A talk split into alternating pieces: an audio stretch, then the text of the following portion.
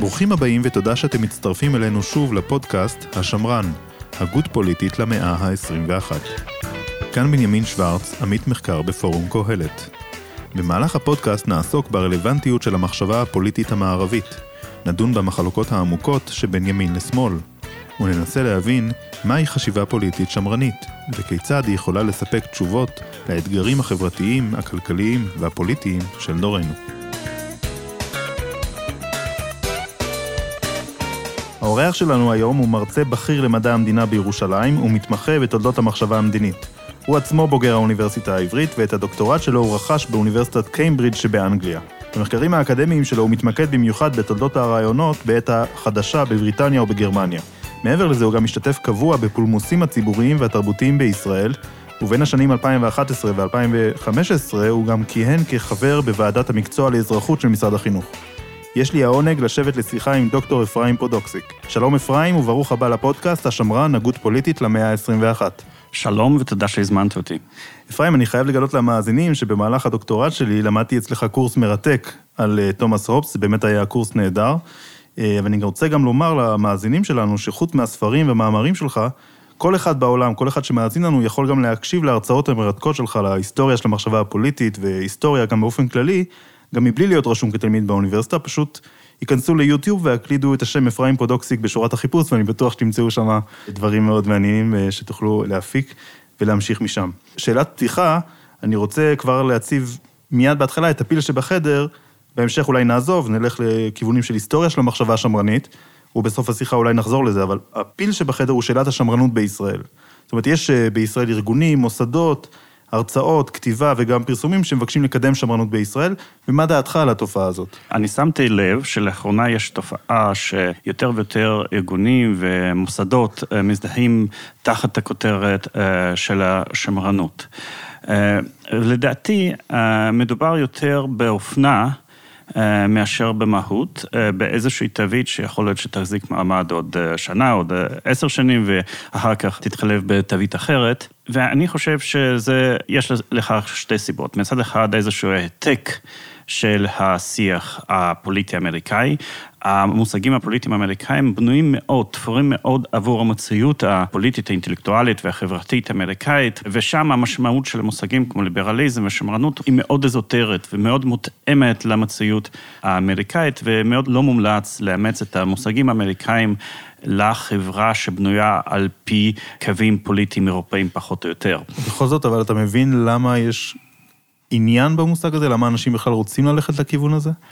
אני לא בטוח שאנשים רוצים ללכת לכיוון הזה, אני חושב שזה כמו עניין של אופנה, אומרים שזה עכשיו אופנה, וגם נותנים כסף לפרויקט שמרני, מישהו מחבב מילה שמרני, ואז כולם מתחילים לקרוא לעצמם שמרנים, כמו שלפני שנתיים קראו לעצמם ליברליים, ובעוד uh, שלוש שנים יקראו לעצמם uh, מסורתיים. רגע, ולגבי לגבי המושג ליברלי, אתה גם חושב שזה עניין של אופנה ש, ששקוע בכסף, או שזה כן שם שייך דבר אמיתי? זה בוודאי הייתה אופנה, וזה גם, אני לא יודע אם זה היה שקוע אז בכסף, זה ברור שכל הפריחה של מה שעכשיו מכנים את עצמם מוסדות שמרנים זה כן קשור לתרומות ולכסף, אבל שוב, מבחינת הליברליזם, כמובן שבחלקים מסוימים של הימין זו הייתה סוג של אופנה, כי הרי, שוב, אני פעם העברתי במרכז בגין הרצאה ושיעור על נושא של ליברליזם, ובעצם מתברר שכמעט כל אחד מהכוחות הפוליטיים, החל מתמר זנדברג וכלה במשה פייגלין, אה, אה, מדי פעם קוראים לעצמם ליברלים. זאת אומרת, זה מושג שכל אחד אחד יכול להזדהות איתו, ובמידה מסוימת בצדק, כי החברה והציוויליזציה שאנחנו חיים בה היא בנויה על פי עקרונות פחות או יותר ליברליים במובן הרחב. אז הייתה אופנה כזאת, עכשיו היא התחלפה באופנה של שמרנות, ו... מצד אחד, יש כאן איזשהו העתק של השיח האמריקאי, כאשר הליברליזם בארצות הברית מסמן תפיסות מסוימות של שמאל ושל התערבות המדינה, היום זה ככה. וזה קשור לכך שבכלל השמאל בארצות הברית, אידיאולוגית, ברח מהמושג של סוציאליזם, וגם בעבר לא היה ממש סוציאליסטים, כי זה לא כל כך נכון היום. אבל אני חושב שיש גם סיבה קצת יותר רצינית וסיבה יותר מהותית, וזה מתמצא במאבקים בתוך הקבוצות הפוליטיות ואידיאולוגיות בתוך הימין, ואני הייתי אולי רוצה לסכם את זה בצורה כזאת. אנחנו מדברים על הימין בעולם? הימין הישראלי. הישראלי. הימין הישראלי. כן, הייתי אומר כך, אה, שבעצם מה שמגיע מתחת למילת קוד אה, שמרנות, זה אותו ניסיון ישן ונושן ובלתי מוצלח במהלך העשורים האחרונים של האגף המסורתי והאגף הדתי בתוך תפיסות של הימין, להגיע לסוג של הובלה אינטלקטואלית. Mm-hmm. ומכיוון שבמובן מסוים זו עמדה יותר כנה מאשר אותם הדתיים שמציגים את עצמם כליברלים מהסוג של פייגלין, כי בכל זאת יש להם תפיסות משפחתיות ותפיסות ערכיות שהרבה יותר דומות לשמרנות מאשר mm-hmm. לליברליזם, וכאשר בעצם אומרים שהימין צריך להיות שמרני, אומרים שמי שצריך לעמוד בראש חטיבת הימין זה לא הציבור היותר חילוני, אה, או שבא ממסורת לאומית ליברלית של ליכוד, אלא אה, ציבור דתי-לאומי. זה מה שבעצם מסתתר מאחורי המילה שמרני. אבל והש... אפשר להגיד גם שמשהו אחר מסתתר מאחורי המושג שמרני, וזה אומר שזה לא שהימין הוא פשוט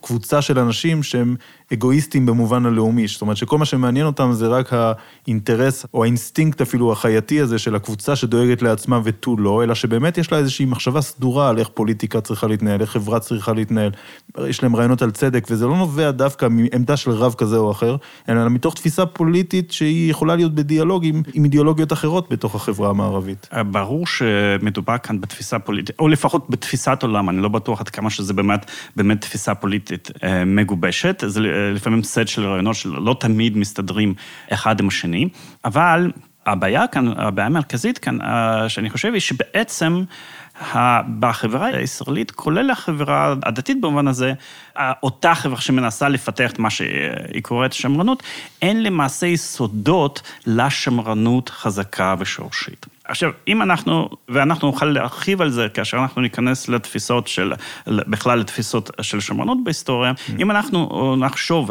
איזו תנועה, איזו חברה בתוך הפסיפס של הציבור הישראלי מייצגת יותר את מה שבאירופה אנחנו חושבים כתפיסה שמרנית, אז יש מפלגה אחת לפחות שהיא מפלגה uh, uh, שמרנית לאלה, וזו אגודת ישראל. או בכלל יהדות התורה.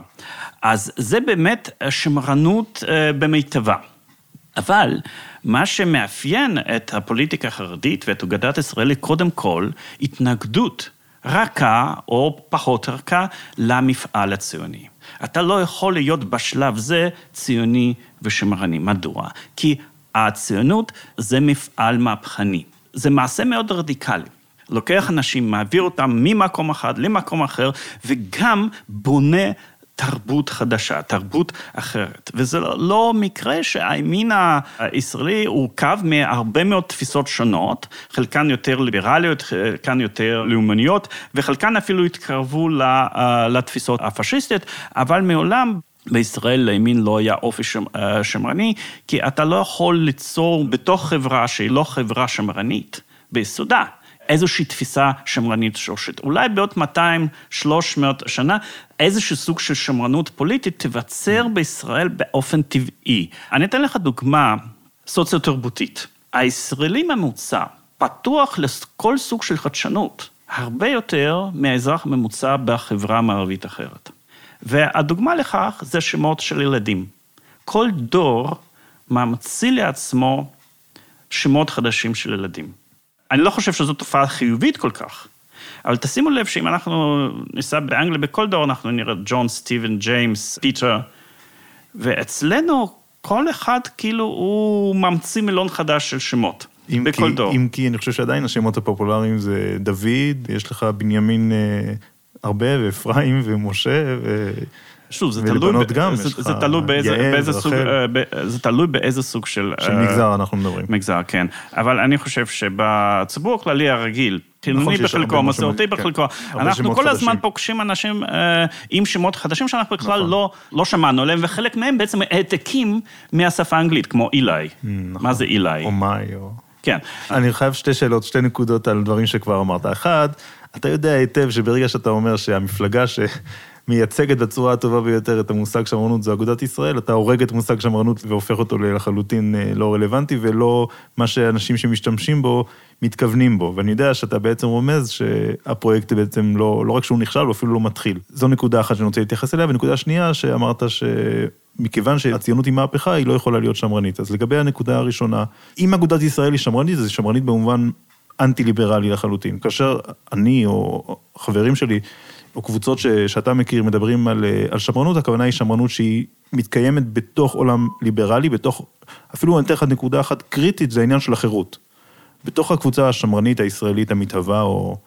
החירות היא דבר מאוד מרכזי שאנשים האלה שואפים אליו, אבל לא רק בכלכלה, שזה כבר דבר ידוע, אלא גם באופן כללי, החירות היא דבר שהוא מבוסס על מסורת, ואם אין מסורת ואם אין מוסר ואם אין מידות טובות, אז גם לא יכולה להתקיים חירות מושכלת, חירות מתונה, מה שברק קורא לו. אז ברור שאתה יכול לדבר ליברליזם על גווניו, שיש היבטים קצת יותר דרגתיים לליברליזם, יש ליברליזם מהסוג יותר פרוגרסיבי, ולכל אחד מהסוגים האלה של ליברליזם יש בעיות משלו, ואני מאמין שלסוג פרוגרסיבי יש דווקא יותר בעיות מאשר לסוג הדרגתי, או מה שהייתי רוצה לקרוא לו הליברליזם השמרני. אבל למילים יש עדיין משמעות ויש להם דינמיקה.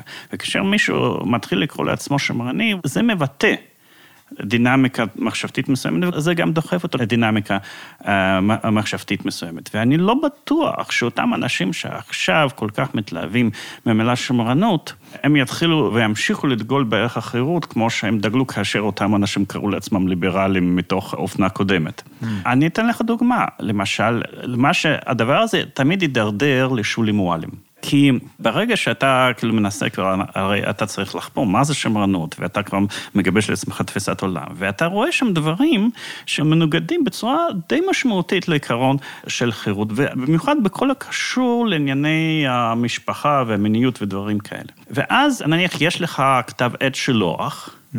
שהוא גרסה קצת יותר אפורה של מידה, אבל מכיוון שהוא הגדיר את עצמו כשמרני, במה עוסק העורך של שלוח? מה הנושא שעוסק בו כל כך חשוב, שהוא מתראיין? כל מיני נושאים. אבל... כותב uh, ספר, ברית כן. ישראלית. אז הוא עוסק פתאום בהומוסקסואליות, כאילו שזה נושא חשוב. למה שלאנשים שאכפת להם מהחירות צריך להיות כל כך אכפת מההומוסקסואליות, וצריך להיות כל כך אכפת מצעדי הגאווה? אבל הנה, ברגע שאתה מכניס את העז הזה של, ה... של המרנות, אתה נכנס למחוזות שאתה בסופו של דבר מסיים איפה ששולי מועלם סיימה, במגבלות על מיניות ודברים כאלה, וזה לא... קודם כל, אני חושב שהם לא רלוונטיים. לפוליטיקה הישראלית, יש לנו, mm. זה לא רק שאני לא מסכים איתם, אלא שפשוט יש בעיות הרבה יותר משמעותיות לחברה הישראלית. היא צריכה לפתח רכבת, נכון. כן? רכבת זה יותר חשוב ממיניות בהקשר הזה. נכון. עכשיו... אבל אתה לא חושב שזה, ש, שהוויכוח סביב המיניות הוא לא קשור לחשיבות של מסורת ולאופי של חברה ותרבות? זאת אומרת, אנחנו משנים פה משהו ככל שאנחנו נותנים ומרחיבים את הזכויות של אה, חברי אה, קהילת הלהט"ב לצורך העניין. האם אין לזה בתור מישהו שרואה את התרבות כדבר מאוד מאוד חשוב, את הלאומיות כדבר מאוד מאוד חשוב, האם אתה לא רואה שהדיון פה הוא דיון רגיש, ש, שאפשר גם לשבור יותר מדי את, ה, את המבנה של החברתי? קודם כל, אנחנו שינינו הרבה יותר ממיניות, אנחנו שינינו שפה, המצאנו שפה. אנחנו מדברים בשפה שלא הייתה קיימת כשפת דיבור לפני מאה שנה, וכאילו, מבחינה הזאת מיניות זה פירורים. בהקשר הזה. והאמת היא שכל השינויים בתחום של מיניות התרחשו בכל כך טבעיות, ובלי שלמישהו היה אכפת, נדמה לי שהחזרה לדיון הזה, והדגשה של דיון הזה, זה, שוב, זה העתק מהדיונים האמריקאים, שאין לנו שום דמיון לחברה האמריקאית במובן הזה. אבל אתה רואה שהכנסת סערה סביב העניין הזה, והדיון הציבורי באמת כן סער סביב זה, זאת אומרת, כן זה נגע פה בנקודה רגישה בחברה הישראלית. זה נגע בנקודה רגישה, כאשר אנשים מתעסקים בדברים שהם, אין להם שום משמעות, אבל כן אמורים להביא למגבלות אה, כאלה ואחרות, אז ברור שאנשים לא אוהבים את זה, כמו שההצעה של גדעון סער, מאתמול לאסור נסיעה ברכבים ב... ביום כיפור. ביום כיפור. עכשיו, זה דוגמה לנזק, שפתאום מילה שברנות הופכת לאופנה. כאשר מילה ליברליזם הייתה באופנה, גדעון סער לא דיבר על כך שצריך לאסור אה, רכבים ב, ביום כיפור. אז כאילו, לדברים האלה יש משמעות. אתה נותן קרדיט גדול אם אתה חושב שגדעון סער חושב על המילה שמרנות לפני שהוא יורה את ההצעה ש... זה, זה, זה בתת מודע, זה בא, באוויר. ברגע שנכנסים לכנסת אנשים כמו שולי מועלם, ורוצים לדכא חירויות בכל מיני היבטים של החיים, אז זה מחלחל. אז לאנשים פחות אכפת מכל מיני חירויות, גם מחופש הביטוי. עכשיו, זה שהיום הימין שקורא לעצמו שמרני, הוא כל כך נאבק למען חופש הביטוי, זה מכיוון שהמגבלות האלה לא לפגוע דווקא בו, אבל ברגע שאתה מתחיל עם השיח הזה, אתה מגביל את הנסיעה ביום כיפור, אתה מגביל את המיניות, בסופו של דבר אתה גם תגיע להבנה של, של מגבלות על חופש הביטוי. אבל בנקודה היותר עקרונית שהעלית, האם זה שבעצם שמרנות שמדברים עליה, היא איזשהו אגף של ליברליזם, ובהחלט אפשר, אה, יש מושג של conservative liberalism. אבל בכל זאת, כאשר אנחנו מדברים על השקפות עולם, על אידיאולוגיות הגדולות, מה שחשוב ביותר, ואולי נחזור על זה יותר מאוחר, זה בעצם שמרנות כחלופה לליברליזם. כי בעולם האידיאולוגי המודרני יש mm. שלוש חלופות, או מדברים לפחות על שלוש חלופות, שזה סוציאליזם, ליברליזם ושמרנות. Mm. ואומר לדבק למילה שמרנות, כאשר אתה בעצם צריך להתנצל ואומר, בעצם אני מתכוון לליברליזם, אבל קצת עם זה ועם כן, זה, אז אני לא חושב שזה משהו ש... אני חושב שהנקודה היא ש... וזה גם עולה אולי מהביקורת שכתבת על רוג'ר סקרוטון, אחד ההוגים השמרנים החשובים ביותר היום, אם לא החשוב שבהם, שטענת שהוא מחפש באורך הספר שלו על שמרנות, מה שהוא מחפש זה להראות שהוא כמה שיותר רחוק מתוך הליברליזם, למרות שהוא לא יוצא מתוך הליברליזם. הנקודה הזאת שלך משקפת את המחשבה שבעצם כל מי שנמצא בלב השיח הישראלי, אבל לא רק כמובן, אבל לצורך העניין שלנו, כל מי שנמצא בלב השיח הישראלי הוא מקבל את הנחות היסוד של הליברליזם. רק השאלה בתוך הליברליזם הרחב הזה, איפה הוא נמצא? האם הוא נמצא בצד היותר פרוגרסיבי שלו או בצד היותר שמרני שלו? זה לא מתוך דחייה או אימוץ של ליברליזם, אלא איך אתה מפרש אותו. אני לא, אני לא חושב שעמיר פרץ נמצא בתוך השיח הזה, אבל אני כן חושב שיאיר לפיד מצד אחד ונפתלי בנט מצד שני, אני חושב שכן שני אנשים שהם ליברליים, שניהם מקבלים את הנחות היסוד של הליברליזם. בכלל, לכן זאת בעיה, מה, מה, זה, מה זה לא ליברליזם, מה שמרנות בחברה המודרנית. אבל שוב, למילים ולמושגים יש דינמיקה משלהם, זאת אומרת, זה, אנחנו מדברים לפי המצב הנתון. ברגע שאנחנו כן חושבים שכולנו ליברלים, יש, יש לזה חיסרון, אבל יש לזה גם יתרונות. אוקיי, okay, אז... והיית, כן, והנקודה השנייה שרציתי לעלות. זהו, כן. אז הנקודה השנייה שרציתי לשאול אותך, אני כתבתי מאמר קצר בכתב העת השילוח, שבו ניסיתי להסביר למה למרות שהציונות היא מהפכה, עבור אלה שחשבו שזה מחדשים דבר שלא היה מעולם, או ריאקציה עבור אלה שחשבו שהם מחזירים אותנו לימי קדם, למה זה לא בהכרח מנוגד לשמרנות. וטענתי שברק עצמו מודע לבעיה הזאת, ואומר שיש מצבים שבהם גם, הרי הוא תמך במהפכה באמריקה למשל, הוא טען שגם השמרנים מבינים שיש מצבים שבהם המהפכה היא המפלט האחרון, אבל היא המפלט. ויכול להיות שהעם היהודי, אני חושב שהוא אפילו תסכים לזה, שהעם היהודי מבחינתו, הציונות, אה, לפחות בעיני מנהיגי הציונות, המהלך הזה הוא היה מפלט אחרון עבור העם היהודי. למשל זאב ז'בוטינסקי שדיבר על ההצלה מהאנטישמיות ומעבר לזה, עוד לפני השואה. אז זה מפלט אחרון, לא, זאת אומרת, אלה שעושים את הציונות זה לא אנשים שמאמינים באיזושהי תזה מהפכנית, כמו למשל מרקס, אלא שהם באמת רצו חברה שהיא תהיה חברה בעתיד, שהיא תהיה שמרנית, שתתפתח באופן הדרגתי, שתכבד את המסורת, שתכבד את המוסר המסורתי המערבי, את הלאומיות היהודית, אבל הם חשבו שהציונות היא הכרח שאין להימנע ממנו, ובמובן הזה, הציונות לא בהכרח מנוגדת לשמרנות. אוקיי, okay, אז יש כאן כמה דברים מעניינים, אבל לדעתי אתה קצת מקצין את הדברים. לא כל דבר רדיקלי הוא מהפכני, או לא כל דבר רדיקלי זה מרקס, ולא כל דבר שהוא לא רדיקלי הוא שמרנות. ליברליזם הוא ברובו לא רדיקלי, אבל זה לא הופך אותו אה, לשמרנות. עכשיו, אני לא מסכים, ואני חושב שזה, דרך אגב, זה אחת האידיאולוגיות של הציונות הדתית שאומרת שבעצם מבחינת הציונות החילונית הייתה סוג של, ראתה את זה כמפלט אחרון. לא ולא. האנשים שעמדו בראש המפעל הציוני, במיינסטרים הציוני, זה לא רק היה עניין של הצלה פיזית, אם כי זה גם עניין חשוב, וזה לפעמים גם עניין חשוב ריטורית. אם אנחנו חושבים באמת שיש ליהודים uh, סכנה, היהודים יהיו הרבה יותר מוכנים לבוא לארץ ישראל כדי לבנות את החברה החדשה. אבל אני חושב שכמעט כל מנהיגי הציונות, בוודאי ז'בוטינסקי, היה להם עניין בחידוש של התרבות העברית ובהעשרה של התרבות העברית. אבל לא כל עשייה תרבותית היא ולא כל כיבוד של מסורת תרבותית, אפשר להגדיר את זה כשמרנות, כי אז כאילו המילה שמרנות מאבדת מייחודיותה. ברור, כאשר אנחנו היום uh, מבצעים את היצירות של בטהובן, או הולכים לאופרות, מה, זה אומר איזשהו סימן לאיזשהו סוג של uh, שמרנות, זה נקודה ראשונה. נקודה שנייה, uh, לגבי ברק, שוב, זה, אפשר לדבר על זה בנפרד, אבל ברק, אני בכלל לא חושב שצריך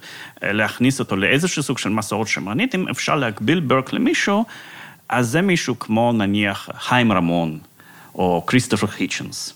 זאת אומרת, אנשים שצמחו עמוק בתוך שמאל מרכז רפורמיסטי, אבל בתחום של מדיניות החוץ, הם תומכים בעמדה תקיפה נגד השמאל הרדיקלי. זה מי שהיה uh, ברק. בברק לא היה, מבחינת תפיסת העולם, לא היה אצלו שום דבר שאפשר להגדיר אותו uh, כשמרנות. אבל זה לא אומר שהשמרנות כתפיסת עולם uh, זה דבר שלא קיים. וכאשר אני למשל לימדתי השנה את האידיאולוגיה השמרנית, אני uh, דיברתי בעצם על שדות המשמעות, על המושגים שמאפיינים את התפיסה המסורתית.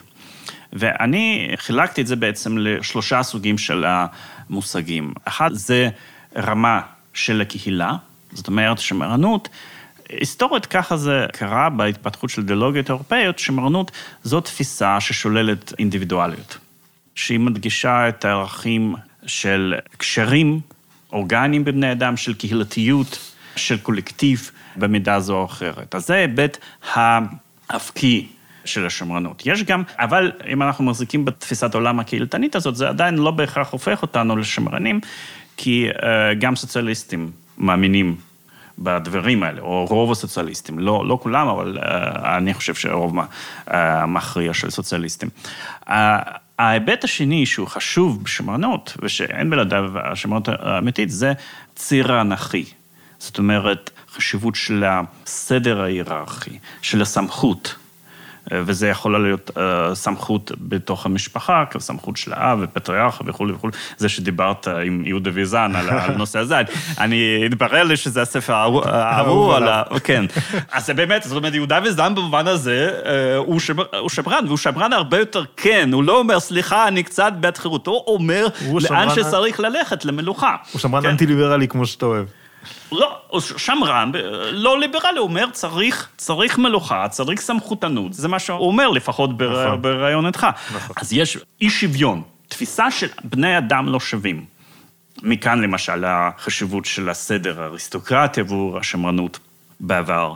וגם הדגש הזה החזק מאוד על החיים הכפריים והחקלאים, כי זה גם החיים הארגניים קהילתיים וגם חיים היררכיים.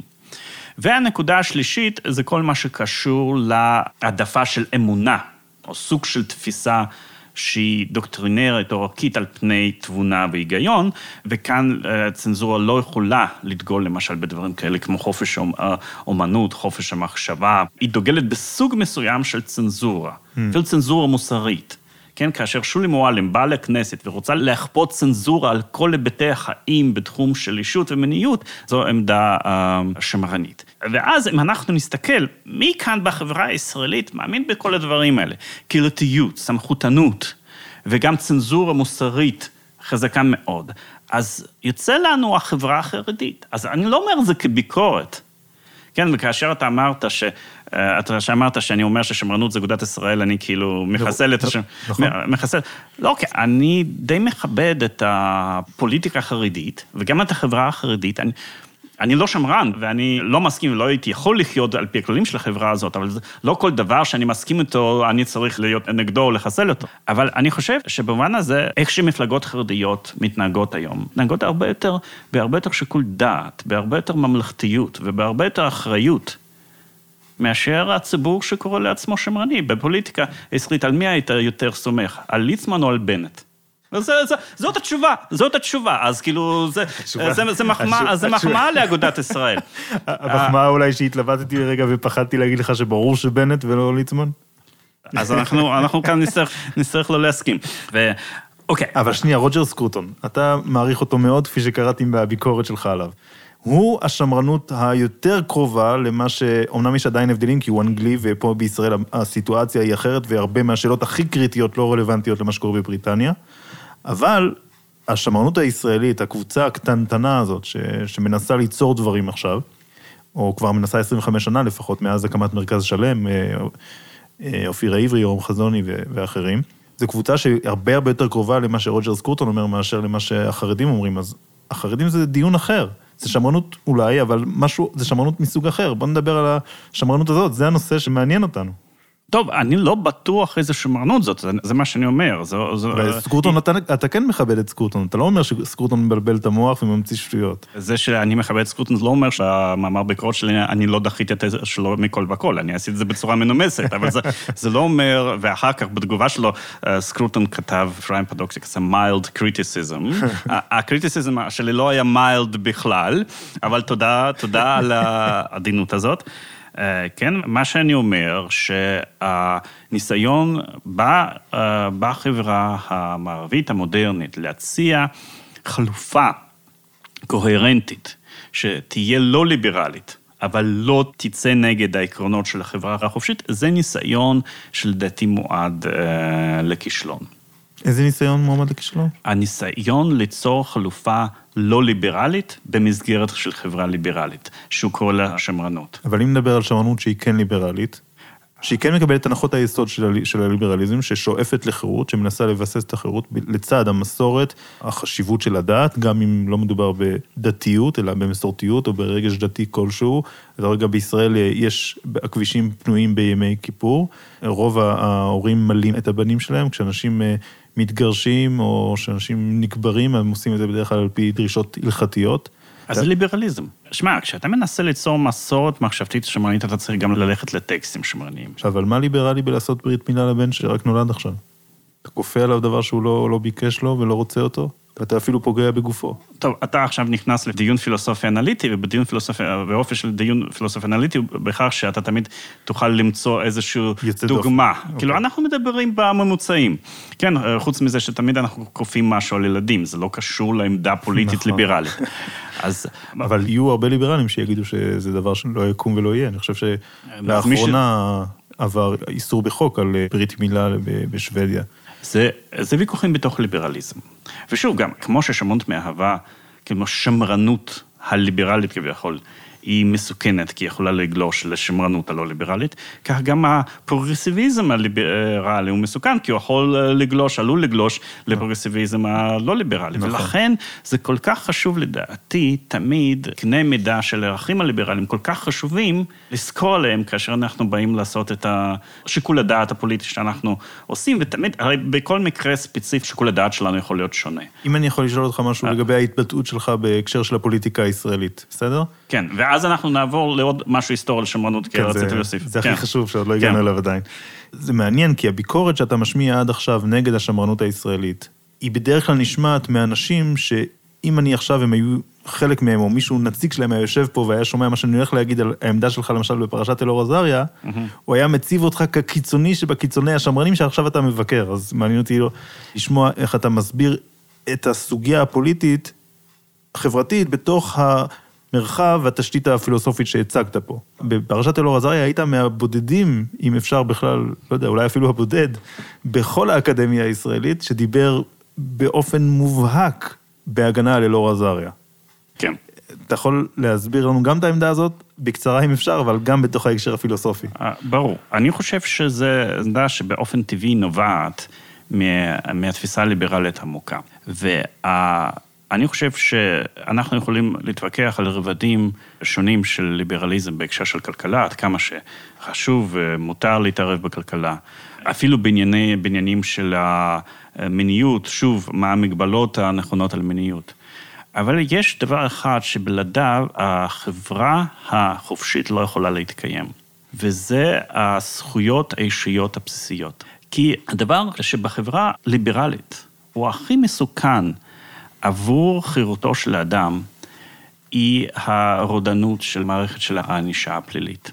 אמנם בחברות של רודנות, אה, גם אה, יש מערכת ענישה רודנית, אבל זה גם קשור בכלל למסגרת של חברה שהיא מדכאת.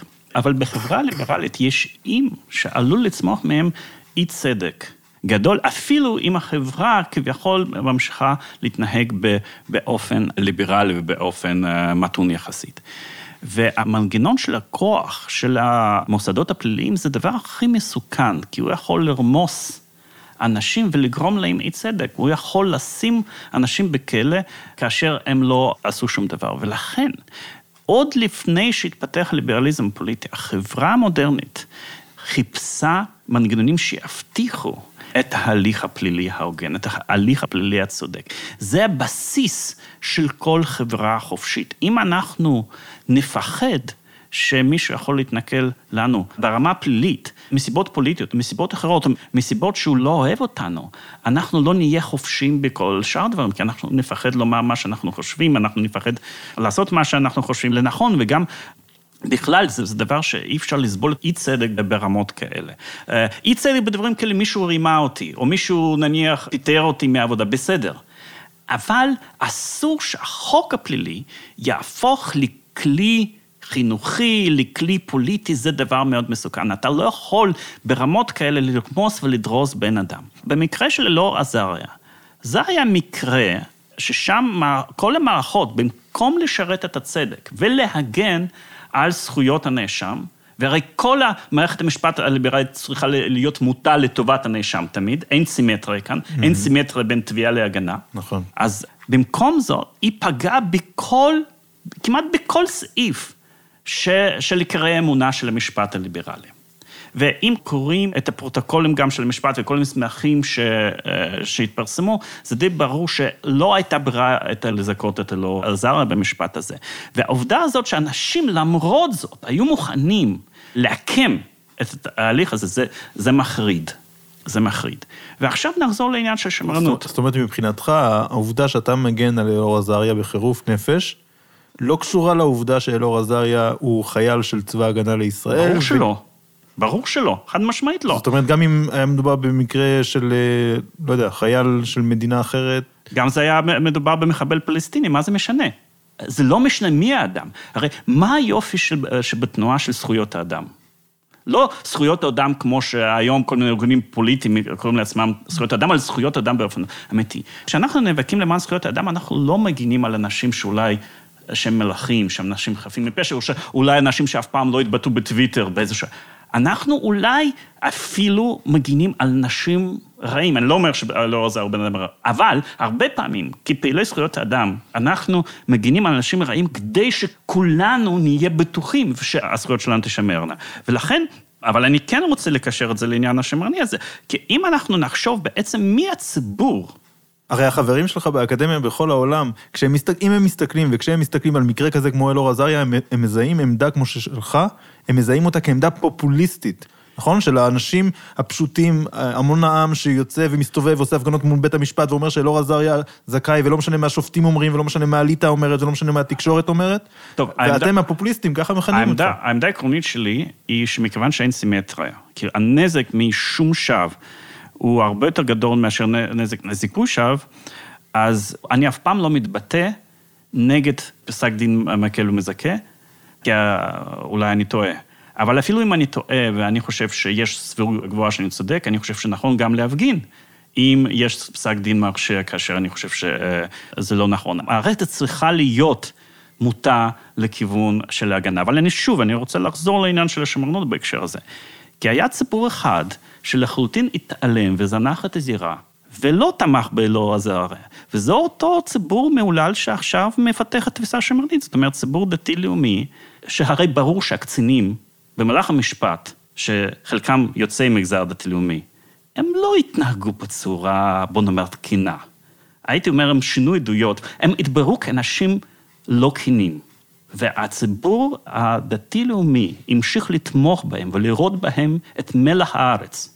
רב סרן או סגן אלוף שמשקר, דבר הכי גרוע, משקר כדי להכניס חייל לכלא, הוא מבחינתם מלח הארץ, וחייל שנשפט על עוול בכפיו, הוא כאילו, מבחינתם הוא מישהו שאפשר לזרוק אותה החוצה. זה לא, אה, העמדה שלי זה לא פופוליזם, הפופוליזם זה זה. הפופוליזם זה להסתכל מה העמדה שכאילו נצעקת בתקשורת, או איפשהו לתמוך בה. זה לא קשור לפופוליזם, זה פשוט קשור לזכויות המשפטיות שיש לכולנו. אתה לא תרצה לעמוד מול אה, משפט ראווה כזה שלא עזר עמד בו. אם אתה מדבר... ואם בתחנת משטרה יישב מישהו כמו שי ניצן, כן. קטן כזה, שהוא ירצה להתנכל בך כי אתה התווכחת איתו אה, אתמול בסופר. אתה לא רוצה שלא יהיו לך מנגנונים להגן עליך, גם כאשר המערכת מעוותת נכון. אבל מה עם ההגנה על הפלסטיני, למשל, שאלאור עזריה הרג אותו, ועל הזכויות שלו, ועל האינדיבידואליזם שלו? בוודאי, בוודאי, שיה, בוודאי שיש לו זכויות ואינדיבידואליזם? אבל שוב, כשאנחנו מגיעים למש... כש- כשאנחנו מגינים על אלאור עזריה, אנחנו מבטלים ופוגעים בזכויות של הפלסטיני, זה אחד על חשבון השני, זה משחק סכום אפס. זה פשוט לא נכון. כש- כשאנחנו אה, נאבקים למען משפט צדק ומשפט על אה, בסיס קווים ליברליים, אנחנו בדרך כלל הרבה פעמים מדברים על מקרי רצח, ואנחנו מתעסקים בדמותו של הרוצח, לא למי שנרצח. במובן הזה, רוצח הוא זה שאנחנו מגינים עליו, או מי שמואשם ברצח. ואנחנו אנחנו חושבים על שני הצדדים. אנחנו לא יכולים לחשוב רק על לא. הרוצח ולא על הנרצח. במש... לא, אבל זה לא, כך. אנחנו תמיד חושבים על מישהו מושא הסיפור. ברגע, ש... ברגע שנניח אותו פלסטיני אחר יבוא, הוא. יבוא, הוא יועמד למשפט או משהו כזה, אז אנחנו גם ניאבק למען זכויותיו. הרי אם היה מדובר, או כשמדובר ברצח, אם חס וחלילה קורה דבר כזה, בין שני יהודים, אין סערה תקשורתית שלא מתקרבת לפרומיל ממה שהיה סביב אלאור עזריה. הסערה קפצה לשמיים, בגלל ש... ונראה שהייתה, המחלוקת העיקרית הייתה בין אלה שבעיקר אכפת להם מהשמירה על הצביון הלאומי, על כוחו של צה"ל, על היכולת של צה"ל לפעול באופן אה, לא מופרע ו- ובלי הפסקות ובלי הגבלות משפטיות, לבין אלה שאומרים כל אדם הוא אדם, וגם אם הוא פלסטיני וגם אם הוא רצה, ולמרות שהוא רצה להרוג אה, ישראלים, למרות זאת אנחנו צריכים להגן על זכויותיו מרגע שהוא כבר מנוטרל. וש- זו הייתה המחלוקת, ואתה בא ואומר, לא, זאת לא המחלוקת בכלל, מבחינתך. אולי מבחינתם מחלוקת, אבל היא לא מתבססת על עובדות, או היא מתבססת על קריאה לא נכונה של עובדות. אם קוראים את אה, מסמכי התיק, זה די ברור שלא, זה לא חשב, ואנשים שם לא חשבו שמחבל בכלל מנוטרל. אם אנחנו הולכים למעורבות שלך בסוגיה אחרת לגמרי, בוועדת אבל בוא, לאזרחות. בוא, בוא, אני רוצה רק לחזור לעניין התיאורטי, ואז נחזור, או שאתה רוצה להמשיך את הפוליטי. יותר מה שחשוב לי זה לנסות להבין אותך. אה, אוקיי. זאת אומרת, אני מנסה- אני מנסה להבין אותך, לא רק בסוגיה הספציפית, אני הבנתי איך אתה קושר את אלאור עזריה ל- למחשבה פוליטית עקרונית, הבנתי, ועכשיו אני רוצה להמשיך הלאה, כי כי נדמה גם, אוקיי. אתה יודע, אם אם נוסיף עוד פיל בחדר, אז זה נראה שאפרים פודוקסיק הוא יוצא דופן בזה שהוא מביע עמדות ימין, אבל אני תוהה האם זה באמת כך, או שבעצם ממש לא הבנתי אותך נכון. תשמע, אני אתן לך מפתח להב- להב- להבנה שלי. אני, יש לי מנטליות של סניגור פלילי, שלוקח את המקרים הכי קשים. וכשהייתי צעיר, אני אולי חשבתי שאולי אלך ללמוד משפטים, ורציתי ללמוד משפטים כדי להיות סניגור פלילי. תשמע, אני, אני חושב שיש אה, בישראל הרבה אנשים מבריקים, טובים, שהם מתבטאים מכל מיני דברים. וכשהם מתבטאים, תשמע, יש לי עבודה, אני לא צריך לעסוק בדברים כאלה. אני מדבר רק במקרים, כשאני רואה שאף אחד לא מדבר, אף אחד אחר לא מדבר. זאת אומרת, אני כאילו סניגור פלילי שבא להגן על מישהו ש, שהתיק שלו נראה אבוד, אבל אני יודע שהוא חף מפשע. זה, זה כל העניין. אי מה- צדק שנעשה לאלאור עזריה. אי צדק בדיבור על פולין והפולנים, וכאשר יש מעט מאוד אנשים שמדברים על זה. אז ברגע שאין אף אחד שיגיד את זה, אז זו חובתי לומר את זה, כי אם אני לא אומר את זה, העמדה הזאת לא תישמע. זה, אה, זה פשוט, מטבע הדברים, מכיוון שהשיח התקשורתי בארץ הוא אה, יחסית מוטה שמאלה, אם כי בעניין של פולין זה בכלל לא, לא כל כך קשור, אז מטבע הדברים זה הרבה פעמים יוצא שזה עמדות אה, ש, שימין מסכים איתן מסיבות אחרות לגמרי, או לא, או, או לא אחרות. אבל אם אתה עוקב אחרי כל מיני התבטאויות ופעולות ציבוריות שלי, גם בעבר אתה תראה שאין אין קורלציה. עכשיו, בין דעות ספציפיות פוליטיות לגבי מה צריך לעשות, במקרה זה או אחר, לדברים שאני מתבטא בהם, כי אני מתבטא בדרך כלל בדברים אה, יוצאי דופן, כאשר אני רואה איזשהו אי צדק משווה, ואף אחד לא מוכן לומר אפילו את מה שאולי הוא חושב. ואתה גם יוצא נגד הקונצנזוס באקדמיה. אני לא יודע אם יש קונסנזוס באקדמיה. בפולין היה קונצנזוס, באלאור עזריה היה קונצנזוס, בוועדת המקצוע לאזרחות אני חושב שגם היה תשמע, קונצנזוס. ל- לפולין, לפולין, אה, בפולין, אה, לא אולי- היה, אולי- לא היה, לגבי פולין לא היה קונסנזוס אולי בכלל. תסביר בקצרה למאזינים ב-30 שניות מה הייתה העמדה שלך בנושא הזה. טוב, התפיסה שלי שאין דבר כזה, קודם כל אין דבר כזה כאחריות קולקטיבית בכלל, גם האחריות של גרמנים כאומה על שואה, אבל אני מוכן אה, להסכים שבמקרה הזה יש הרבה אנשים שטוענים ההפך. במקרה של פולין, אני חושב שהתגלה כאן אה, סנטימנט די מכוער, שבעצם אה, משתלח בחברה הפולנית ובעם הפולני, במושגים הקולוניים, בלי שום ידע לגבי היסטוריה וגם לגבי הסבל של אותה מדינה במלחמת העולם השנייה. והדבר הזה גם אה, נוצל על ידי פוליטיקאים חסרי אחריות, כמו יאיר לפיד, שעשה את הכל כדי להרוס את היחסים בין ישראל אה, לפולין בסוגיה הזאת.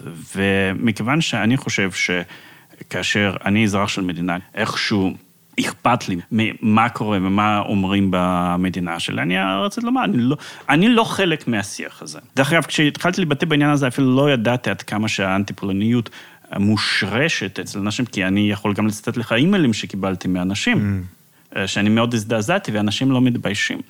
עכשיו, וזה גם נובע מאיזושהי תפיסה יותר כוללת, של אנשים שלא חושבים ברמה של אינדיבידואלים, אלא חושבים ברמה של קבוצות. אפילו באקדמיה, הם לא מסוגלים הרבה פעמים להבין שבן אדם כפרט הוא זה שאחראי על מעשיו. והוא לא חלק מהקבוצה, והם כל הזמן מדברים על תחת שם קוד של תרבות, שאנחנו תמיד תבניות של uh, תרבות.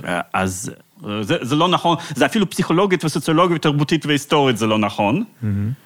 אבל uh, זו חשיבה שבטית. די... ואנטי-ליברלית.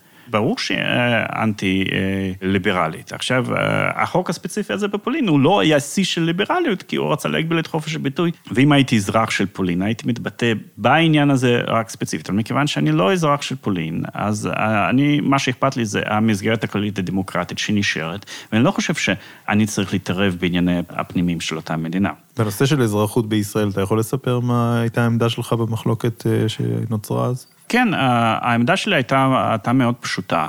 אה, הייתה מדיניות, היה שר, היו אנשים שהוא מינה, ורצו לשנות את המדיניות. השר היה נפתלי בנט. לא. אה, שי פירון? גדעון לא, סער. לא, גדעון סער כמובן. עכשיו... מה היה הכיוון שרצו לשנות? הכיוון, איך שאני מגדיר את זה, או שזה נעשה בפועל, לשנות את זה קצת מחדש למערך. איך?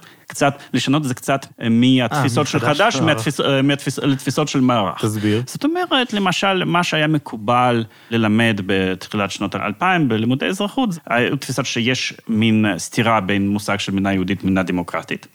משהו לא נכון קונספטואלית.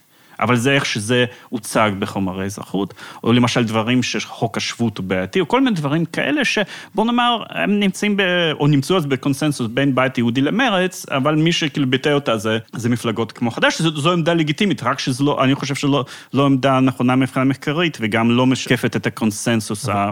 רק אה, ישראלי. עכשיו, מה שקרה, שבעצם אה, כל הניסיונות האלה קצת אה, למתן את מה שיש בחומרים האלה, כדי שזה פשוט יהיה הרבה יותר נכון מבחינה מקצועית.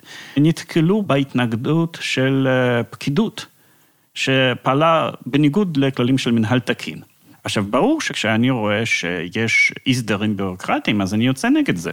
כן? זה עכשיו, כאילו, אחרי אה, עשר שנים אחרי הסיפור הזה, אז פתאום כולם מודים בזה שבכלל פקיד הוא רק, מה שהוא מחליט זה נכון. אבל עוד לפני שמונה שנים האמנו בדמוקרטיה.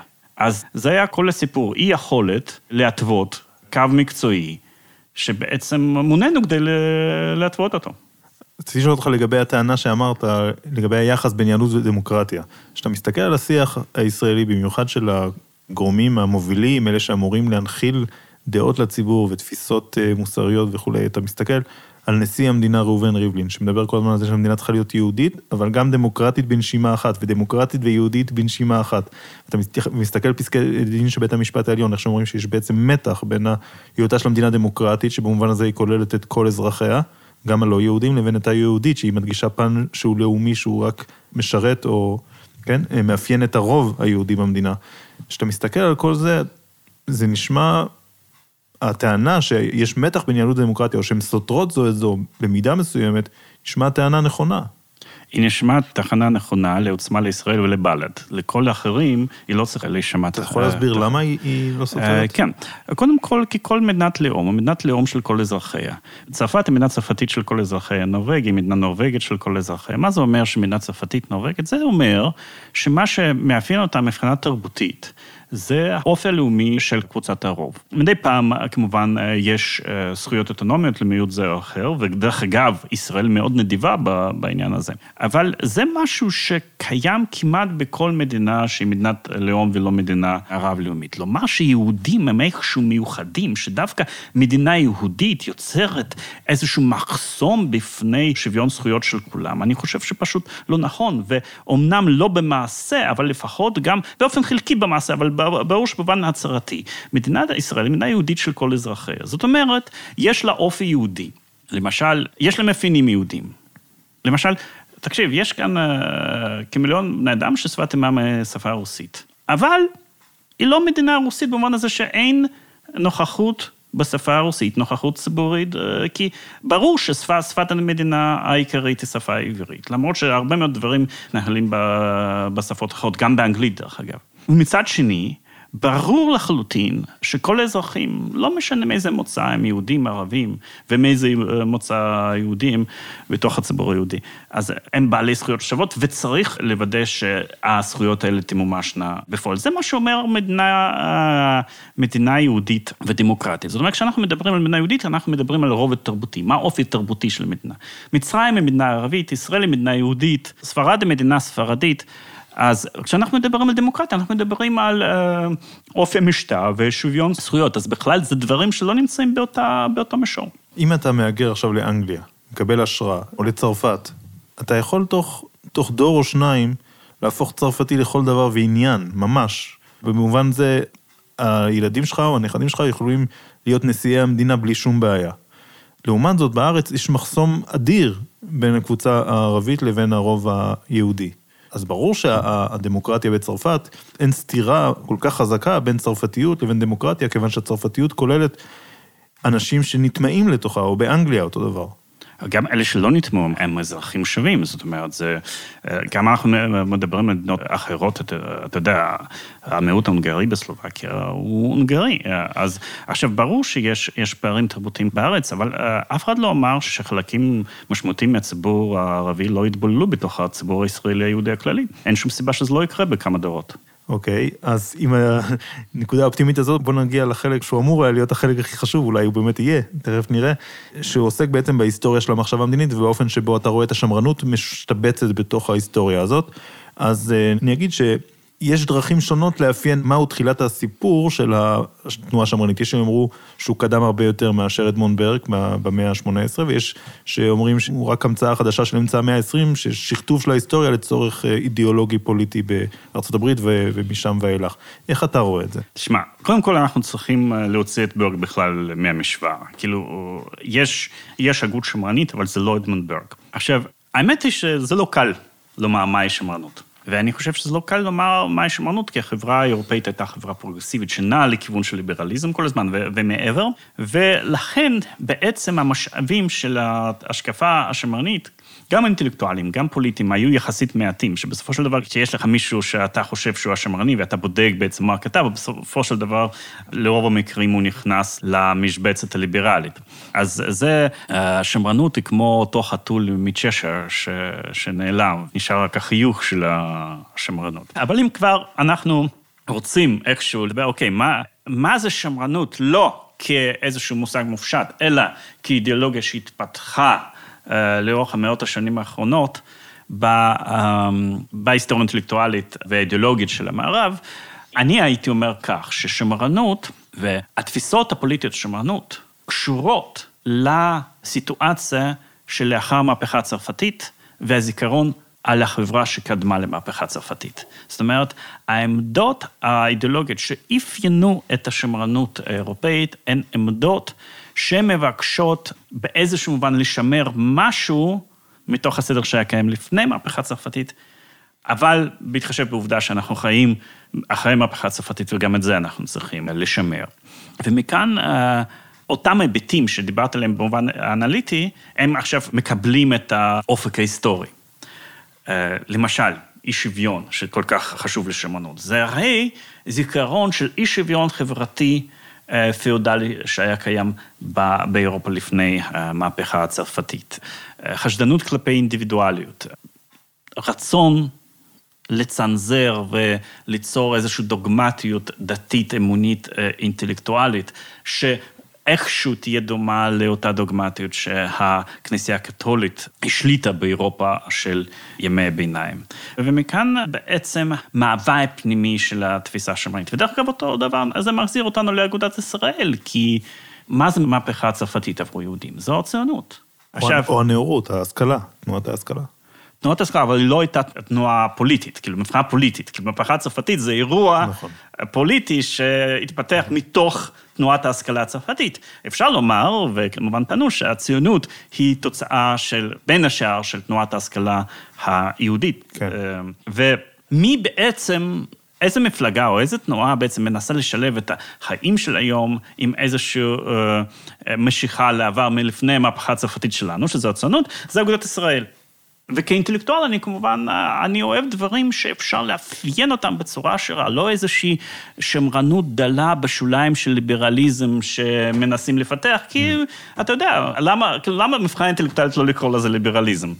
אני אמרתי דעתי, משום שהליברליזם הפך להיות כל כך רחב, מקובל על, על רוב המיינסטרים של החברה המערבית, והדבר הזה נכון גם לגבי ישראל, שכדי לקיים איזשהו ויכוח בתוך, ויכוח רעיוני, אידיאולוגי, בתוך המשפחה הליברלית הרחבה כל כך, אתה צריך שיהיו לך אפשרויות להגדיר אה, רעיונות של קבוצות בתוך הליברליזם, ומעבר לזה, יש בעיה, בימין הישראלי לפחות, שאין לו שום מושג רעיוני מארגן. זאת אומרת, כשאתה ימני, מה אתה מעבר לזה שאתה, אוקיי, נולדת לתוך קבוצה מסוימת, אתה רוצה לשמור על ארץ ישראל, ואלה כל מיני נקודות באידיאולוגיה שלך, אבל אין לך מושג שמארגן אותה ושנותן לו צידוק.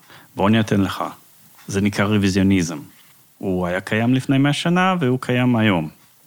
וזו תפיסה שדרך אגב, אני לא מסכים ולא הסכמתי כאשר אני קראתי שאין כביכול הבדלים אידיאולוגיים למעשה בין ליכוד לכחול לבן. ויש הבדלים כאלה. מה הם?